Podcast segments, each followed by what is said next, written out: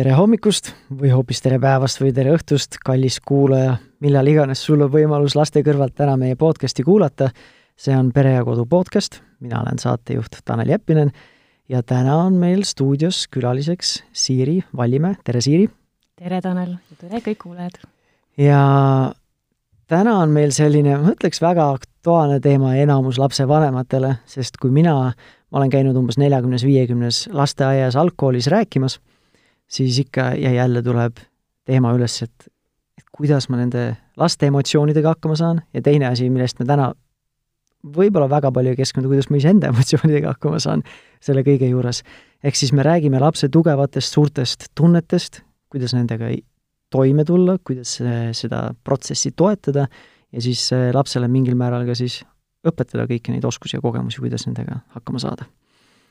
ja Siiri on ise muuhulgas ka ema, aga siis professioonilt või ametilt koolipsühholoog ja on töötanud lastega kahe tuhande neljandast aastast, ehk siis üksjagu juba on kogemust. tahad sa natukene seda tutvustust täiendada või sai olulised asjad öeldud? jaa, kaks tuhat neli aastal ma alustasin koolis psühholoogina ja tegelikult ma alles äh, õppisin tollel ajal ülikoolis psühholoogiat. ja pärast äh, seda kooli olen ma töötanud äh, väga erinevates äh, kohtades, et ma olen töötanud ähm, rehabilitatsioonimeeskonnas, mis tegeleb laste ja noortega ja ma olen töötanud äh, Põhja-Eesti Rajaleidja keskuses, mis äh, nõustab ja aitab ja toetab peresid ja õpetajaid nii lasteaias kui koolis. ja nüüd viimased kolm aastat olen olnud äh, tagasi koolis äh,, Rocca al Mare koolis. naudid seda, mis teed? vahva? mulle meeldib. jah, erapraksis on mul ka, et et äh, nõustan peresid, koolitan, teen koostööd näiteks äh, Eesti Vähihaigete Lastevanemate Liiduga. vahva, ma käisin ka nende vist sügisel mingitel päevadel. see on muidugi täiesti eraldi teema, väga emotsionaalne teema, aga äh, mina koolipsühholoog ei ole, aga ma, mina olen siis kodus praktikat kogenud ja saanud, sest ma ei tea, kas see on siis nagu meie laste teema, aga meie lapsed kipuvad olema impulsiivsed ja emotsionaalsed oma vanuse juurde, äh, oma vanusest, mis nad on, üks on siis kahepoolene, teine on varsti viiene. nii et äh, minu praktika tuleneb sealt ja kuna mina pean siis ainult kahe lapse nende emotsioonidega tegelema igapäevaselt, siis ma saan ka öelda, et ma naudin seda protsessi, et see on täiesti veel hoomatav, minu jaoks vähemalt. aga üleüldiselt eks need lapsed eelkooliealised, ka kooliealised, ma ütleks, ongi sellised impulsiivsemad ja emotsionaalsemad kui ma ütleks, enamus täiskasvanud, kuigi ka mõni täiskasvanu võib olla väga impulsiivne ja emotsionaalne. lastel on vähemalt nii-öelda see jutumärkides vabanduseks, sest nende aju on nii-öelda, ei ole veel lõpuni välja arenenud, eriti need osad, mis siis peaksid reguleerima seda impulsiivsust ja emotsionaalsust. aga kui me nüüd räägime nendest lapse tugevatest emotsioonidest, siis mida tavaliselt nende all äh, silmas peetakse? mitmeid erinevaid emotsioone, et äh, neid nimetatakse isegi kohati põhiemotsioonideks, et rõõm, mis jäetakse tihtipeale välja, aga ka viha, kurbus, süütunne, häbitunne ja hirm. Need on sellised põhiemotsioonid, aga sinna tulevad ju igasugused erinevad värvund, värvundid juurde mm. -hmm. no nagu sa salvestuse väliselt ütlesime ka, et et enamasti nagu kellegi poole ei pöörduta, kui see rõõm, see tu-, selle tugeva emotsiooniga meil on nagu, nagu muresid, et seda on nagu liiga palju, on ju. et tavaliselt, kus vanemad kipuvad jääma kas kimbatusse nüüd, kas lapse emotsiooniga või siis selle emotsiooni nii-öelda väljendumisega, mis väljendub võib-olla käitumises, on ju, või siis iseenda emotsioonidega tuleb just nende teiste põhiemotsioonidega, olgu see siis häbi, hirm äh,, kurbus, viha, võib-olla mul jäi mõni veel, mõni veel puudu, aga et just nendega tavaliselt kipume jääma kimbatusse lapsevanematena. jaa, sest täpselt nii, nagu täiskasvanutel lapsed väljendavad oma tugevaid tundeid kas siis välja elades või siis hoopis iseendasse sulgudes. minu poole pöörduvad enamasti kas lapsevanemad või, või õpetajad sellisel juhul, kui ähm, äh, nad märkavad lapsi, kes äh, oma tugevaid tundeid välja elavad. aga mina tahaksin kutsuda üles kuulajaid äh, märkama ka neid lapsi ja neid olukordi, kus laps või ka noor tavapärasest rohkem endasse tõmbunud on. et elab neid samu emotsioone välja ka sissepoole? ka sissepoole. sest ma just tahtsingi seda, selle juurde tulla, et ega vähemalt kumbki ei tundu tegelikult väga selline konstruktiivne emotsioonide välja, ma ei tea, kas siis elamine või sisseelamine, et et nendega võiks ja peaks oskama siis tegeleda pigem. just, et kuidas ma tulen ise toime iseendaga, kuidas ma saan iseennast aidata sellisel hetkel, kui mul on see tugev emotsioon peal, et äh, meil lapsevanematena on tegelikult suurepärane võimalus neid äh, oskuseid lastele õpetada. see on oskus. see ei ole see see on enesejuhtimisoskus. just. Ja siin vahepeal nagu mul kipubki, kui ma olen käinud lasteaedades või koolides äh, Äh, rääkimas, siis äh, see ei ole üldse nagu süüdistades, aga ma olen seda märganud, mõnikord olen märganud seda ka peeglisse vaadates äh, või noh, endasse vaadates, ma samal ajal, kui ma lapsega mingis võimuvõitluses olen, siis ma ei ole peegli ees alati, aga et mõnikord on selline silmakirjalik situatsioon, et ma ootan lapselt küpsemat käitumist, kui ma ise parasjagu väljendan või eeskujuks olen enda käitumisega ja mina olen ka käinud palju lasteaedades ja koolides koolitamas, nii lapsevanemaid kui õpetajaid. ja mina olen sageli küsinud nende käest, et, et äh, kallis täiskasvanu, et millal sina viimati jonnisid? et millal sa elasid oma tugevaid tundeid plahvatuslikult välja mis seal need vastused siis on, et tavaliselt äh, tunnistatakse, et tõesõna, et äh, kui elatakse oma emotsioone tugevalt välja, siis see ei ole mitte ainult Äh, laste ja noorte selline pärusmaa, vaid, vaid täiskasvanud samamoodi. lihtsalt meil, täiskasvanutel on rohkem oskuseid, rohkem kogemust, rohkem elutarkust, kuidas nendega toime tulla, kuidas sobivamal viisil neid väljendada. vähemalt võiks olla. võiks olla. sest äh, kui ma endale käe südamele peaksin panema, siis ma saan ka öelda, et ma kindlasti neid olukordasid on isegi lähiminevikus, kus mina siis nii-öelda nagu jonnisin või siis ähm,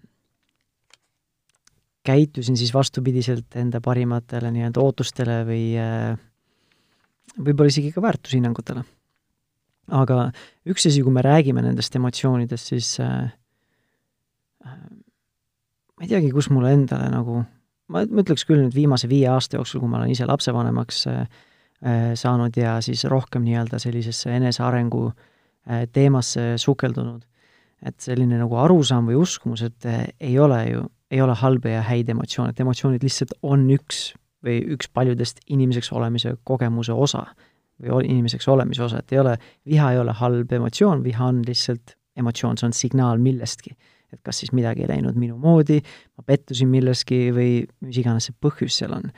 Et ei ole nagu halbu või häid, häid emotsioone. ma olen täiesti nõus, et äh, mina usun, et äh, viha ei ole sugugi alati halb. mulle meeldib ka oma klientidele rääkida või noh, lapsi natuke klientideks nimetada on kummaline, aga need lapsed, kes koolides, äh, koolis minu juures käivad, et ma räägin nendele samamoodi, et viha ei ole halb. viha on tegelikult energia. viha on see, mis tuleb minu piiride kaitseks. Viha paneb mind tegutsema, viha paneb mind enda eest seisma. et ta annab sellise jõu, et kui seevastu näiteks mm, kurbus on oluliselt väiksema energiaga, et pigem paneb endasse sulguma, siis mm -hmm. viha on see, et ma tahan midagi muuta, ma tahan kuidagi kas või välja elada seda. jah, see on tegelikult huvitav asi, et, et see, nagu sa ütlesid, et viha on ma täpselt sõnu üles ei kirjutanud, aga et võib-olla see on märk sellest, et minu enda pi-, minu piiridest on üle astu-, astutud, on ju.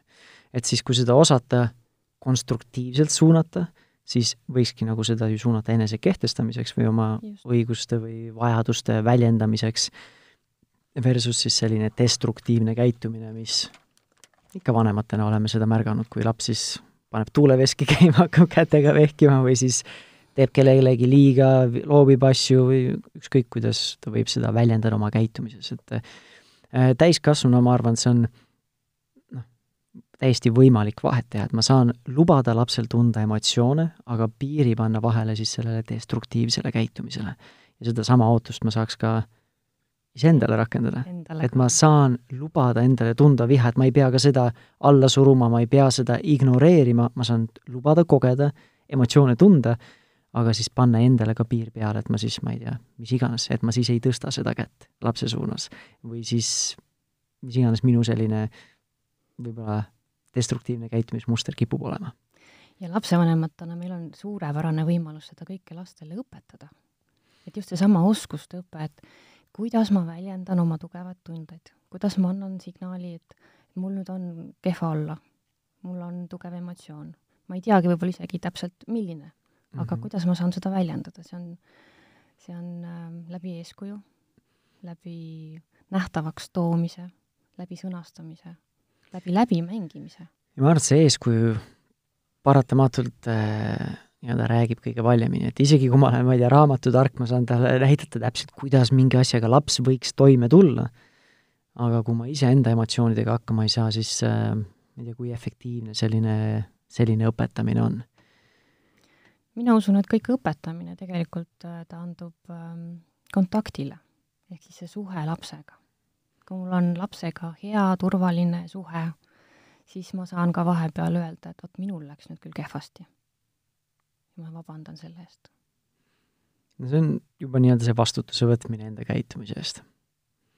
et eh, vastasel juhul muidu mul ei ole võimekust võib-olla vabandada seda siirast, siirast kohast ähm,. Ma tuleksin selle juurde tegelikult äh, tagasi, kuidas sina seda näed või kuidas sina sellega suhestud. et minu jaoks on äh, ma nõustun sellega, et see suhe ja kontakt on, äh, on väga oluline üldse lapse ja lapsevanema vahelises suhtes, olgu see siis kas või piiride kehtestamine, olgu seesama nii-öelda see õpetamine, distsiplineerimine või oskuste õpe, et selle ja selle eelduseks on nii-öelda see usalduslik lähedane suhe lapsega. aga samas see suhe ja kontakt on kaks nagu erinevat asja, üks asi on see, et meil on hea soe suhe, aga me võime nii-öelda konfliktis kaotada kontakti, aga meil see suhe on ikkagi positiivne et ähm, kuidas sa nagu sellega siis suhestud, et ma nagu nõus, mõlemad on olulised, aga kas sa nagu eristad neid või, või sinu jaoks on need üks sama asi? või kuidas neid eristada ja kuidas nendega siis seda märgata? suhe, suhe, turvaline ruum, mida lapsevanematena meie, meie oleme vastutavad selle loomise eest. Ähm, see on kindlasti üks osa ja samas täpselt see, et tugeva tunde hetkel see kontakti kaotamine. tihtipeale on see ju, laps läheb, ükskõik, kas ta elab seda välja või ta sulgub endasse, ta läheb siiski nagu iseenda juurde. ja ta ei ole võimeline välist, välist, mm, väljaspool inimestega kontaktis olema mm. -hmm. ja see on mõlemat. see on see igapäevane suhte hoidmine ja loomine. see on see, et ma võtan aega, et lapsega olla, nagu päriselt olla, täie tähelepanuga mitte ei mõtle töömõtteid või argipäeva mõtteid, mitte ei vaata poole silmaga teleka poole või, või nutitelefoni poole, aga ma olen täiesti sada protsenti kohal ja ma kuulan last ja ma jagan ka enda päeva talle. see on jälle see eeskuju, et kuidas jagada enda päeva talle. ja mhm. samal ajal eh, see loob selle pinnase, millele saab üldse õpetused tulla. mina olen täiesti veendunud, et õpetada toetada, suunata saab siis, kui laps on äh, rahulik, see kontakt on sisuline, ikka mõnus, turvaline ja siis, siis saab õpetada, siis saab selgitada, siis saab arutleda mm. -hmm. sellel hetkel, kui laps on kontakti kaotanud lapsevanemaga, kui tal see tugev tunne on parasjagu suure lainena üle käinud, et siis ei ole võimalik uusi oskusi õppida ei ole võimalik lastel, ei ole võimalik mm. täiskasvanutel. et ta ei ole vastuvõtlik sinu nii-öelda ükskõik millisele sisendile, olgu see siis nii-öelda moraali lugemine või olgu see siis nii-öelda, nii-öelda see õpetamine, on ju. ja ma nõu-, nõustun äh, väga palju sellega, et see, et see suhe peab olema usalduslik, lähedane äh,, heal juhul võiks ta olla ka selline hinnangute vaba ja ja siis see teine osa, see kontakt, ongi see, et kui me oleme nüüd lapsega konfliktis või lihtsalt laps on kaotanud selle enesekontrolli, siis äh, ei pea olema psühholoogia doktorant, et aru saada, et laps ei ole kontaktivõimeline. et enne, kui ma siis äh, äh, peaksin laskuma sellesse nagu õpetamisse äh, või siis ükskõik, piiride meeldetuletamisse, kuidas iganes, mis iganes sinna, sellele võiks või peaks järgnema, siis enne seda oleks vaja lapsega see kontakt taust-, taastada. sest muidu, muidu nagu ta, ja nagu me ütlesime, ta ei ole, sest selles hetkes, isegi kui see suhe on meil ükskõik kui äge ja soe ja lähedane, siis kui laps ei ole kontaktivõimeline, siis see on nagu hane selga vesi. mõnikord võib olla ka siis need õpetussõnad nagu võib-olla mitte ainult hane selga vesi, võib olla ka õli tulle valamine, on ju. Tihtipeale see on just see õli tulle valamine. et äh, la-, lastel ähm, mida siis teha, kui on parasjagu tugev tunne? esimeseks saab ju äh, teda kuulata, peegeldavalt mm -hmm. kuulata. võib-olla, mitte ma tahaks sulle vahele segada, sest ma nõustun sellega, aga võib-olla võiks alustada üks samm enne seda või enne seda, et kuidas lapsevanem võiks iseenda emotsioonidega toime tulla, sest kui ma ise olen hullult äkiline ja närviline sel hetkel ja pulbitsen sellest ja ma ei suuda enda emotsioone reguleerida, siis äh, väga raske on aidata lapsel seda emotsioone või seda kontakti nagu taastada äh, minuga. Ja ma ütleks, väga raske on ka siis aidata lapsel nii-öelda rahuneda ja aidata lapse emotsioone reguleerida. Veel vähem siis nii-öelda rahulikult õpetada teda, kui minu enda nii-öelda see kehakeel, minu hääletoon, kõik see, kogu see minu maneer on selline äkiline, närviline, võib-olla ka agressiivne, et see väga efektiivne, need muud järgmised sammud ei ole, kui ma iseendaga hakkama ei saa. Et eh, on sul mingeid mõtteid äh,, ma ei oota nüüd, et sa sellega, ma arvan, et me võime sellest täiesti eraldi saate teha või podcast'i, et on mingeid näpunäiteid, kuidas aidata lapsevanemal iseenda emotsioone reguleerida, et ma siis saan nii-öelda panustada nendesse järgmistesse sammudesse? kui endal emotsioon üle keeb, siis kõige lihtsam on hingata. sügavalt välja hingata. sest sissehingamine tuleb automaatselt. Aga just sügavalt, sügavalt välja hingates me tegelikult ju trikitame oma keha ja oma aju ära. ja siis sellisel juhul äh, aju vaatab, et ohoo, mis nüüd toimub mingi rahunemine peaks olema, sest nii sügav väljahingamine oli. lihtsalt hingata välja. mina oma lastele, kes koolis minu juures käivad, hing-, õpetan ka hi väljahingamist mm. -hmm. ja teiseks, küsida enda käest, et kellel on probleem. Kas see on minu probleem või see on lapse probleem.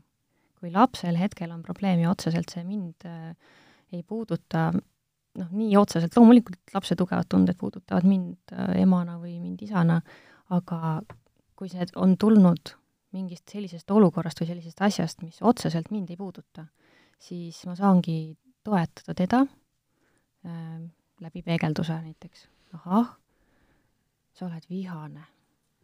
Ahah, sul on kurb. või et sa oled pettunud, sest vend võttis su mänguasja ära mm. -hmm. et sõnastada tema eest. lapse selle peegeldamine mm. -hmm. aga selle Gordoni perekoolist tuntud see lähenemine, kelle probleem on, kas see on minu probleem või lapse probleem, päris sagedasti see tegelikult aitab ka lapsevanemal võib-olla ennast natukene reguleerida, sest äh, nii mõnigi kord, kui ma ise opereerin või funktsioneerin niimoodi, nii-öelda nagu autopiloodi peal, kui mul võib-olla enda ressursid on nii-öelda minimaalsed, võimekus toime tulla selle olukorraga, siis tagasi vaadates ma sagedasti kipun lapse reaktsiooni või käitumist, mitte emotsiooni, aga võib-olla ka emotsiooni, aga pigem nagu käitumist, kui ma rohkem analüüsin, võtma isiklikult, et see on nagu rünnak minu mis iganes, isiku pihta, autoriteedi pihta, mis iganes see võib olla, et eh, kui ressursside ma... pihta. mina pean hakkama võtma aega, et sellega tegeleda. seda võib-olla ka, minu puhul võib-olla pigem see nagu end, minu autoriteedi või ma ei tea, mille sugu, minu isiku pihta, et noh, mis iganes, tahan, ego tuleb sinna nagu mängu. et kui ma nagu suudan seda aru saada, mõtestada, et, et tegelikult lapsel on praegu mingi murekoht, et siis on endal lihtsam mõtta seda vähem isiklikumalt ja ja siis ei ole enda emotsioonid nagu jah, et natukene kõrged. lihtsam enda emotsioone reguleerida tänu sellele.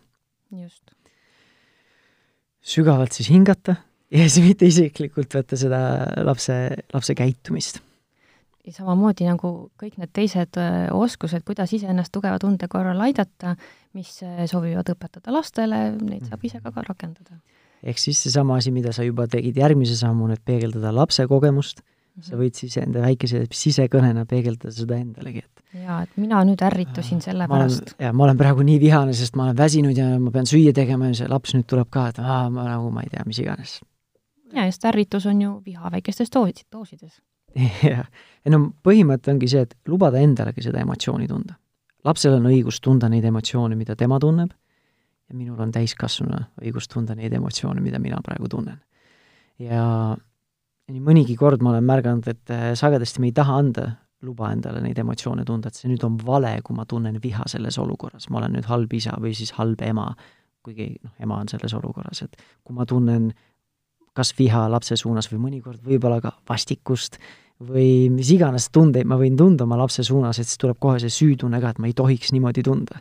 ja see võimendab kõike juba. jah, et see kindlasti ei aita reguleerida neid emotsioone, kui ma hakkan neid eitama, ma hakkan süüdistama, ma hakkan neid alla suruma ja nii edasi, et et see on okei okay,, et tunda tundeid. on okei okay olla praegu tunda vastikust oma lapse suunas. on okei okay..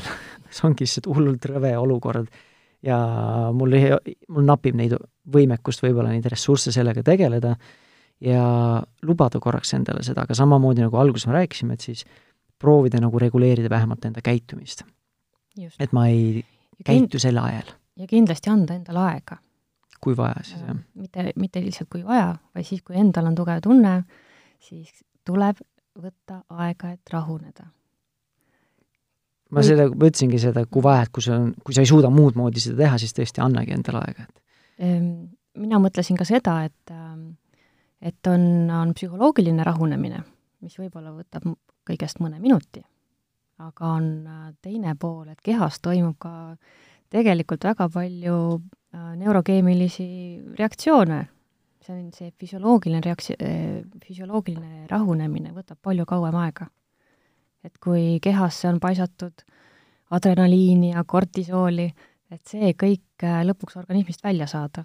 täiskasvanud inimesel võtab see poolteist tundi aega mm. -hmm. lapsel vähem natuke, aga ka mitte viis minutit.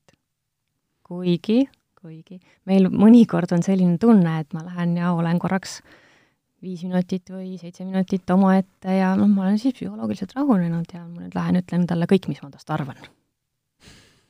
Siis ilmselt sa ei ole siis psühholoogiliselt rahunenud, kui sa ikka nagu see viis minutit sa ei rahune, aga sa nagu ketrad endas, oi, ma näitan, oi, kui nüüd see viis minutit läbi saab, siis ma tulen ja lähen panen paika, et ilmselt ei ole see psühholoogiline rahunemegi isegi ega me oskame ennast nagu. jube hästi ära petta, ma nüüd olen rahulik.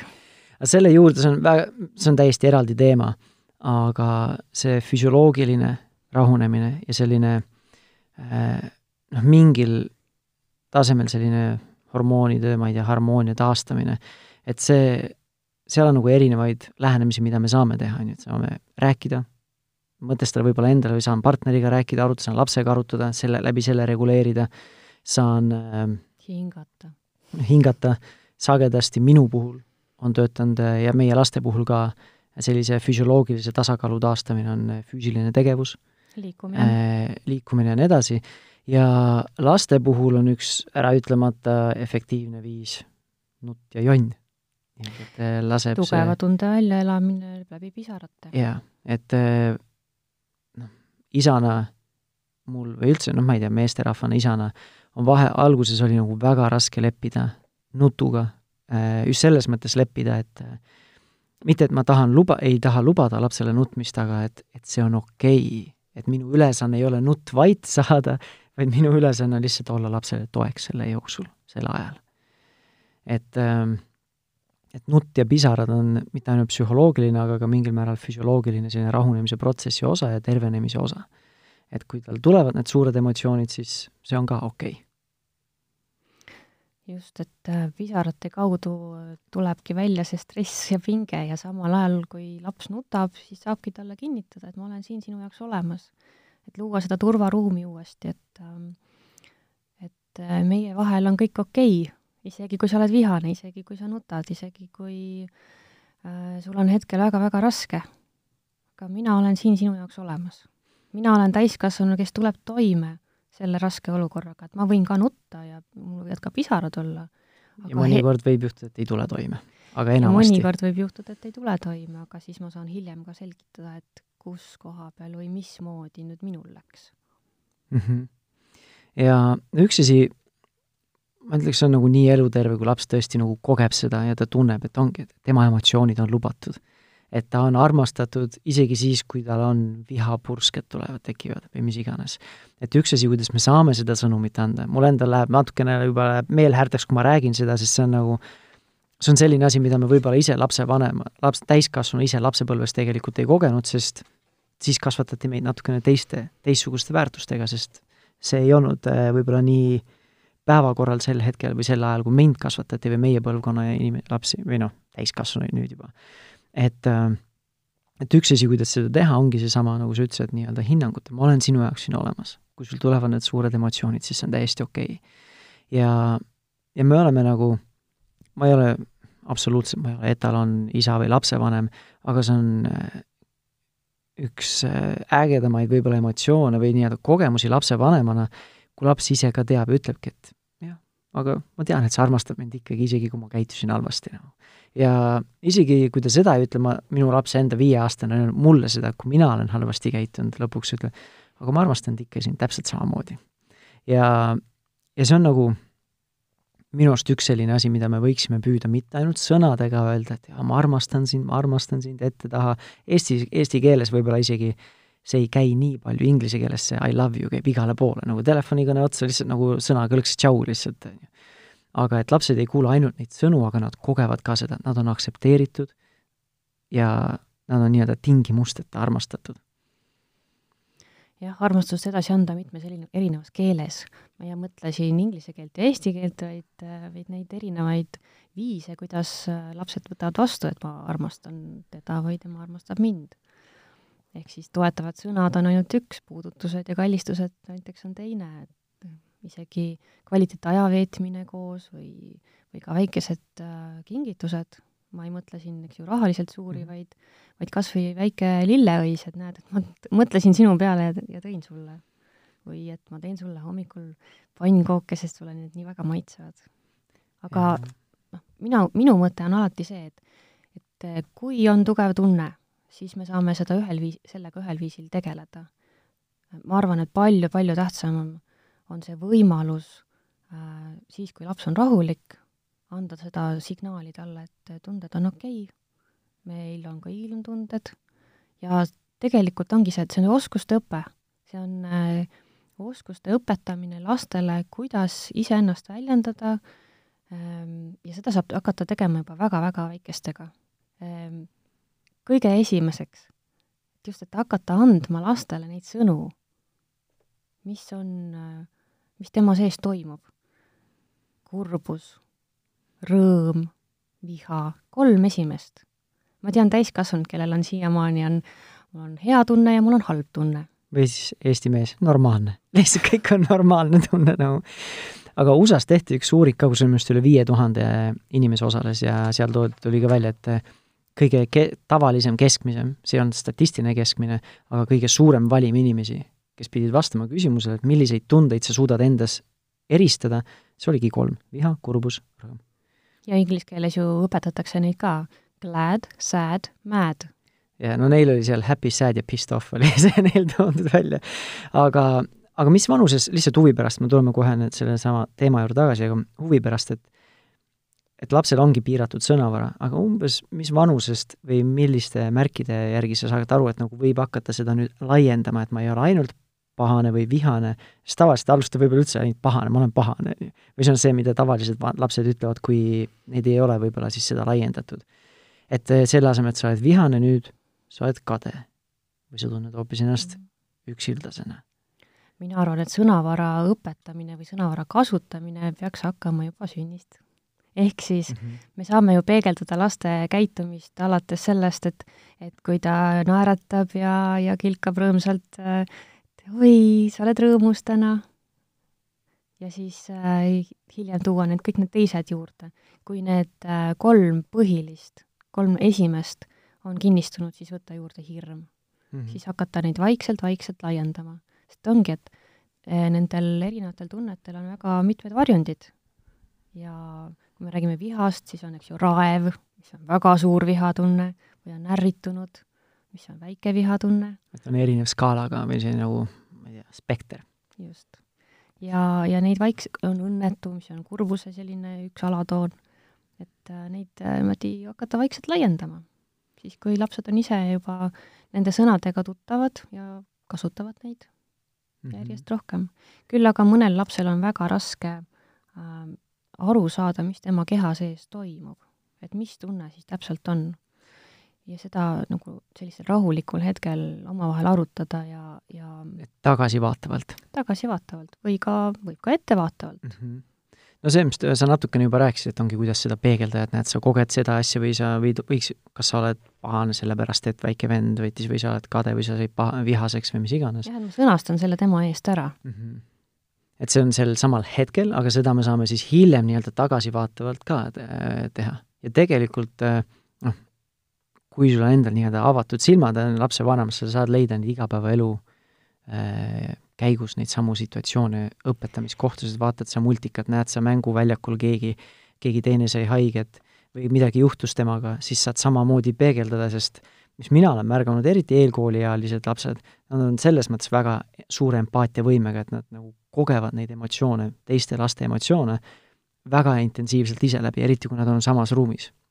näiteks lasteaeda minekul üks lasteaiakaaslane elab väga äh, pingsalt või väga tugevaid emotsioone läbi, sest ema või isa jättis ta sinna ja ta ei tahtnud jääda või mingi pettumus või mis iganes see põhjus oli, siis need teised lapsed ka vähemal või suuremal määral, määral kogevad sedasama emotsiooni, võib-olla isegi koguvad seda endasse, mida siis õhtul lasteaeda järgi minnes siis elab siis nagu vanema juures välja, on ju. ja see on ka täiesti eraldi teemaks võib, võib võtta, et et mis on see laste eakohane teiste inimeste tunnete enda sisse kogumine, see on ju tegelikult seotud selle identiteediga, et kes mina olen ja kus on minu piirid, et mm -hmm. et kust lõpeb mina ja kust algab tema. aga ähm, just tahtsin tagasi tulla siia selle juurde, et kuidas äh, lapsed, äh, mõnikord on neil raske ära tajuda, et mis toimub nende keha sees, siis tegelikult on ju võimalik ka äh, mängidagi erinevaid mänge. Õppida seda, et minu keha sees toimub see, ehk siis kas ma tunnen raskustunnet, kas ma tunnen kergustunnet, kas ma tunnen pinget kuskil või mingit lõdvestust mingi erineva, erineva emotsiooni najal. Mm, mõnikord äh, mina mängin lastega ka värvimänge, ehk siis et kas see emotsioon või see tunne, kas ta on punast värvi sinu keha sees või ta on hoopis kollast värvi, ta on rohelist värvi mm. -hmm. ja sealt tuleb näiteks ka selline äh, ütleme ka siis pedagoogiline nõks või nipp, et äh, hiljem, kui mõnel lapsel on see tugev tunne üle, lainena üle pea käinud, et siis tema saab mitte sõnastada seda tunnet, sest võib-olla tal ei ole võimalik sellele tundesõnale kätte nagu ligi pääseda, aga näiteks sellised ähm, lahendused, kus laps saab panna sellise punase värvilise kaardi lauale või näidata punast kaarti, et mul on see punane tunne, et ma ei saa selle, seda öelda mm, -hmm. aga ma saan seda näidata õpetajale või, või ka lapsevanemale, et mul on nüüd abi vaja, mul on vaja nüüd toetust, ma ei saa sellega ise hakkama. Et kui ma ei oska verbaliseerida, mida ma tunnen, siis ma oskan seda kirjeldada vähemalt või mingit nagu märke anda, mida ma võiksin kogeda või kuidas või ma võiksin seda kogeda. või siis täitsa anda äh, lapsevanemale selle kaardi, kui on mhm. eelnevalt kokku lepitud, et punased tunded näiteks on sellised ja sellised, ja siis laps tunneb mingit sellist, aga ta ei oska seda, ta ei saa kätte seda sõna, siis ta annab äh, emale selle punase kaardi, ema teab, et ahaa, nüüd on oleks tal sellist, äh, sellist toetust vaja. Äh, ma mõtlengi, et see, neid asju, millest sa just rääkisid, neid siis esiteks nagu pea, peaks tutvustama mitte emotsioonide virvarris ilmselt, vaid, vaid rahu, nii-öelda rahu ajal ja siis hiljem tagasi viitama, kui meil on mingi nagu selline ma ei tea, tingmärgid paigas.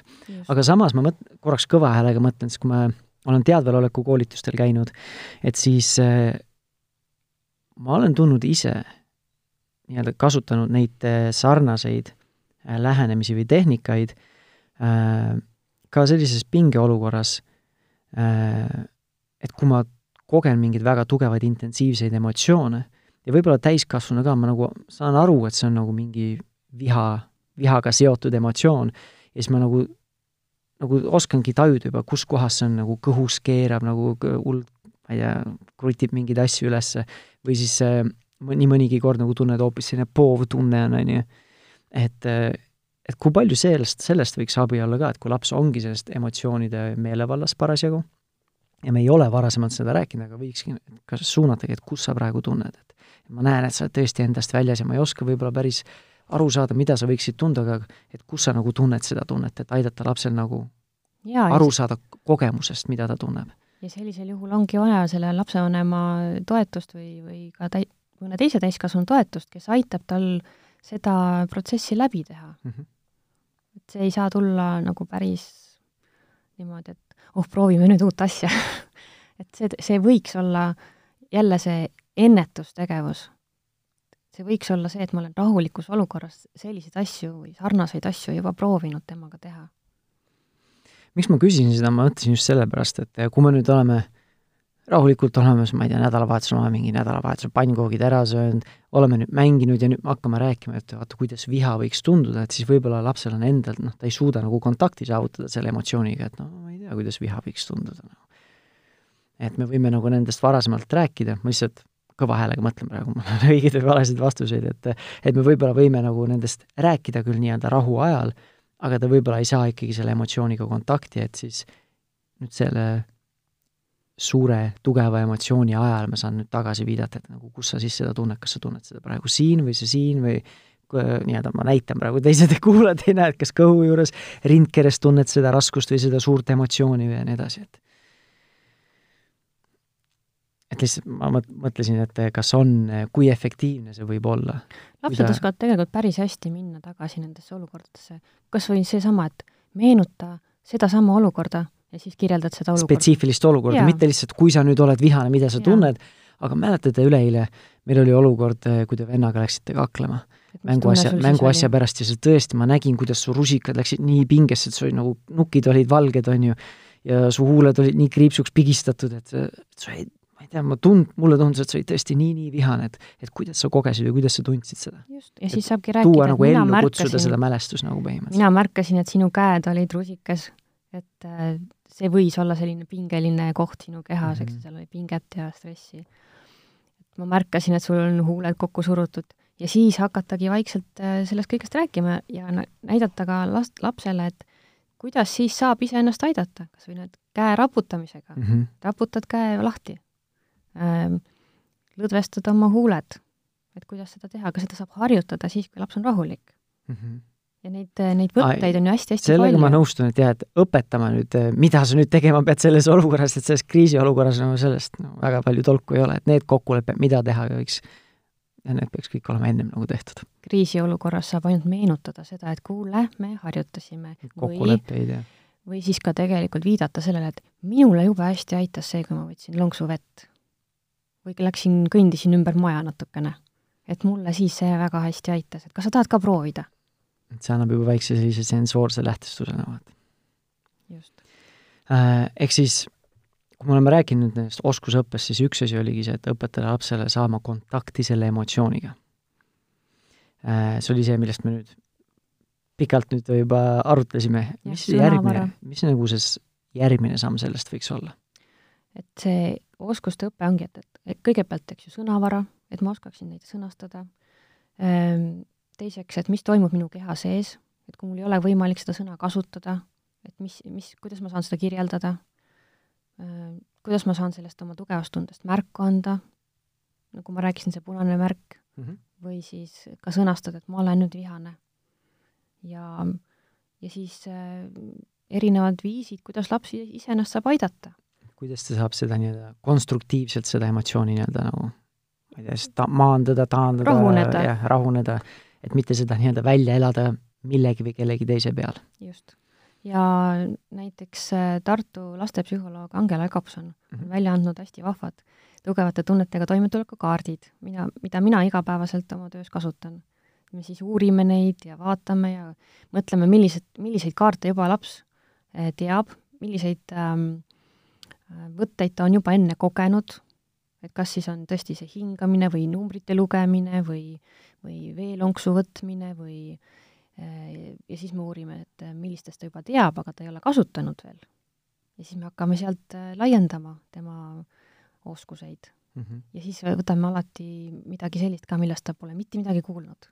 näiteks äh, koolis mina õpilastele õpetan ka seda, et äh, kui mitte miski muu ei aita või tundub, et on nagu väga paha, et küsi ennast äh, klassist välja ja mine torka käed korraks sooja vee alla. et selline soe vesi rahustav. või mõtle selle peale, et, et kunagi oli sul hästi tore rõõmus kogemus. et seda nimetatakse seal kaardi peal äh, positiivsete tunnete hoidis. ehk siis me hoiustame mm. positiivseid tundeid, et hiljem neid kasutada. ma eesti keeles, ma olengi otsinud nagu, mis see eestikeelne vaste on, mina olen ingliskeelselt tõlkinud otse nii-öelda positiivsete kogemuste või mä-, mälestuste nii-öelda ankur. et ma olen inglise keeles seda kasutanud, aga et positiivsete koge-, positiivsete emotsioonide hoidis või kuidas sa ütlesid? hoidis oli see jah mm. -hmm. siin kaardi peal, mis Angela Jakobson on välja andnud, selle kaardi peal on tõesti hoidisena nimetatud mm. -hmm. Ähm,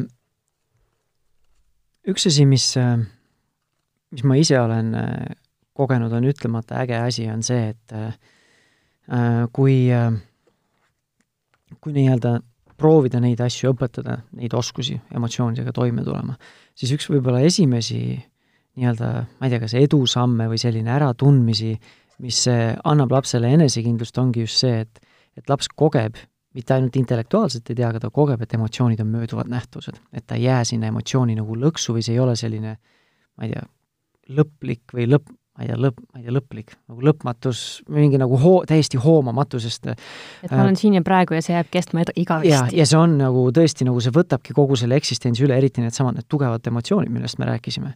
sest äh, lapsed kogevad, nii palju kui mina olen ise oma tütre pealt näinud ja oma väikse poja pealt ka, nii palju, kui ma olen äh, noh, uurinud, lugenud, õppinud, et need lapsed ikkagi kogevad neid emotsioone sagedasti palju võimsamalt kui, kui meie täiskasvanutena. sest meil on see kogemus, et see läheb üle ja, ja see teadmine, et see on varem ka üle läinud.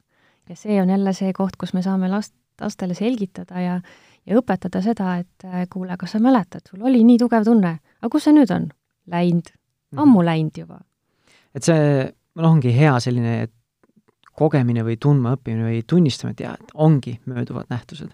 ma kuskilt äh, lugesin ka, et äh, keskmine emotsioon vist möödub vist oli üheksakümne sekundiga äh,. oleneb. ma, ma ütleks, üks asi emotsioonist oleneb, aga teine asi oleneb ka, et mis sa selle üheksakümne sekundiga teed, nagu me ennem rääkisime ka, et kui sa ise nagu hullult ketrad üle ja kogu aeg hoiad sellest emotsioonist kinni või veel rohkem võimendad ja paned talle kütust juurde, et siis sest ühe, et see üheksakümmend sekundit ei ole mingi võlu, võlu mingi piir, et kui nüüd üle läheb, nüüd võluväel on kõik ära läinud nagu. et kui sa, ma ei tea, annad talle ruumi olla, võib-olla kasutad mingeid teadvaloleku praktikaid, kui sa hingad, äh, vaatad seda emotsiooni, mis iganes tehnika sinu jaoks töötab, et siis äh, tõesti võib juhtuda, et selle üheksakümne sekundiga saadki sellest nii-öelda nagu selle emotsiooni meelevallast välja. võib ja samal ajal just enne, kui ma rääkisin sellest füsioloogilisest ja psühholoogilisest rahunemisest, et äh, kui keegi tuleb ja hakkab, et aga nüüd mine ja vabanda, et see võib tegelikult olla see, see, see õlekõrs või see tilk, viimane tilk äh, karikasse, mis ajab selle karika uuesti ümber. peab andma aega mm. -hmm, nõus. Äh, meil on siin aeg ikka nagu enamus teemade lahkamisega päris kiiresti läinud, et me hakkab nüüd äh, nii-öelda see eetriaeg hakkab otsa saama, äh, me oleme rääkinud erinevatest asjadest, kas, äh, kui me nüüd hakkame joont alla tõmbama tänasele teemale, kas sinu jaoks, Siiri, on jäänud midagi täiesti tähelepanuta, mis sa tahaksid lõpus veel välja tuua või lihtsalt midagi rõhutada või kokku võtta, äh, mis, mis vajab tähelepanu natuke rohkem, kui siiani on saanud? Jaa, ma tegelikult, äh, kui ma siia tulin ja, ja ette valmistasin eile, siis äh, üks asi, mida ma mõtlesin, äh, et me lapsevanematena saame väga palju nende tugevate tunnetega olukordade ennetamiseks teha hoopis, hoopis oma igapäevase sellise päevakava hoidmisega. ehk siis kui me oleme näljased, siis meil tulevad need tugevad tunded palju kergemini peale ja seega, et et äh, regulaarsed söögiajad võiksid olla selline võtmesõna, aga iga laps on erinev. et kui ma mõtlen oma laste peale, et minul on äh, hetkel kümneaastane ja kaheksa-aastane ja see kümneaastane, kui ta veel last, lasteaias käis sõimerühmas, siis äh, suur probleem oli tulla koju. iga kord oli suur pahandus ja nuputasin, mis ma nuputasin, välja alguses ei nuputanud, aga ma mingil hetkel äh, võib-olla siis kõhutundest võtsin talle kaasa väikse võileiva ja ähm, asjad läksid palju paremaks.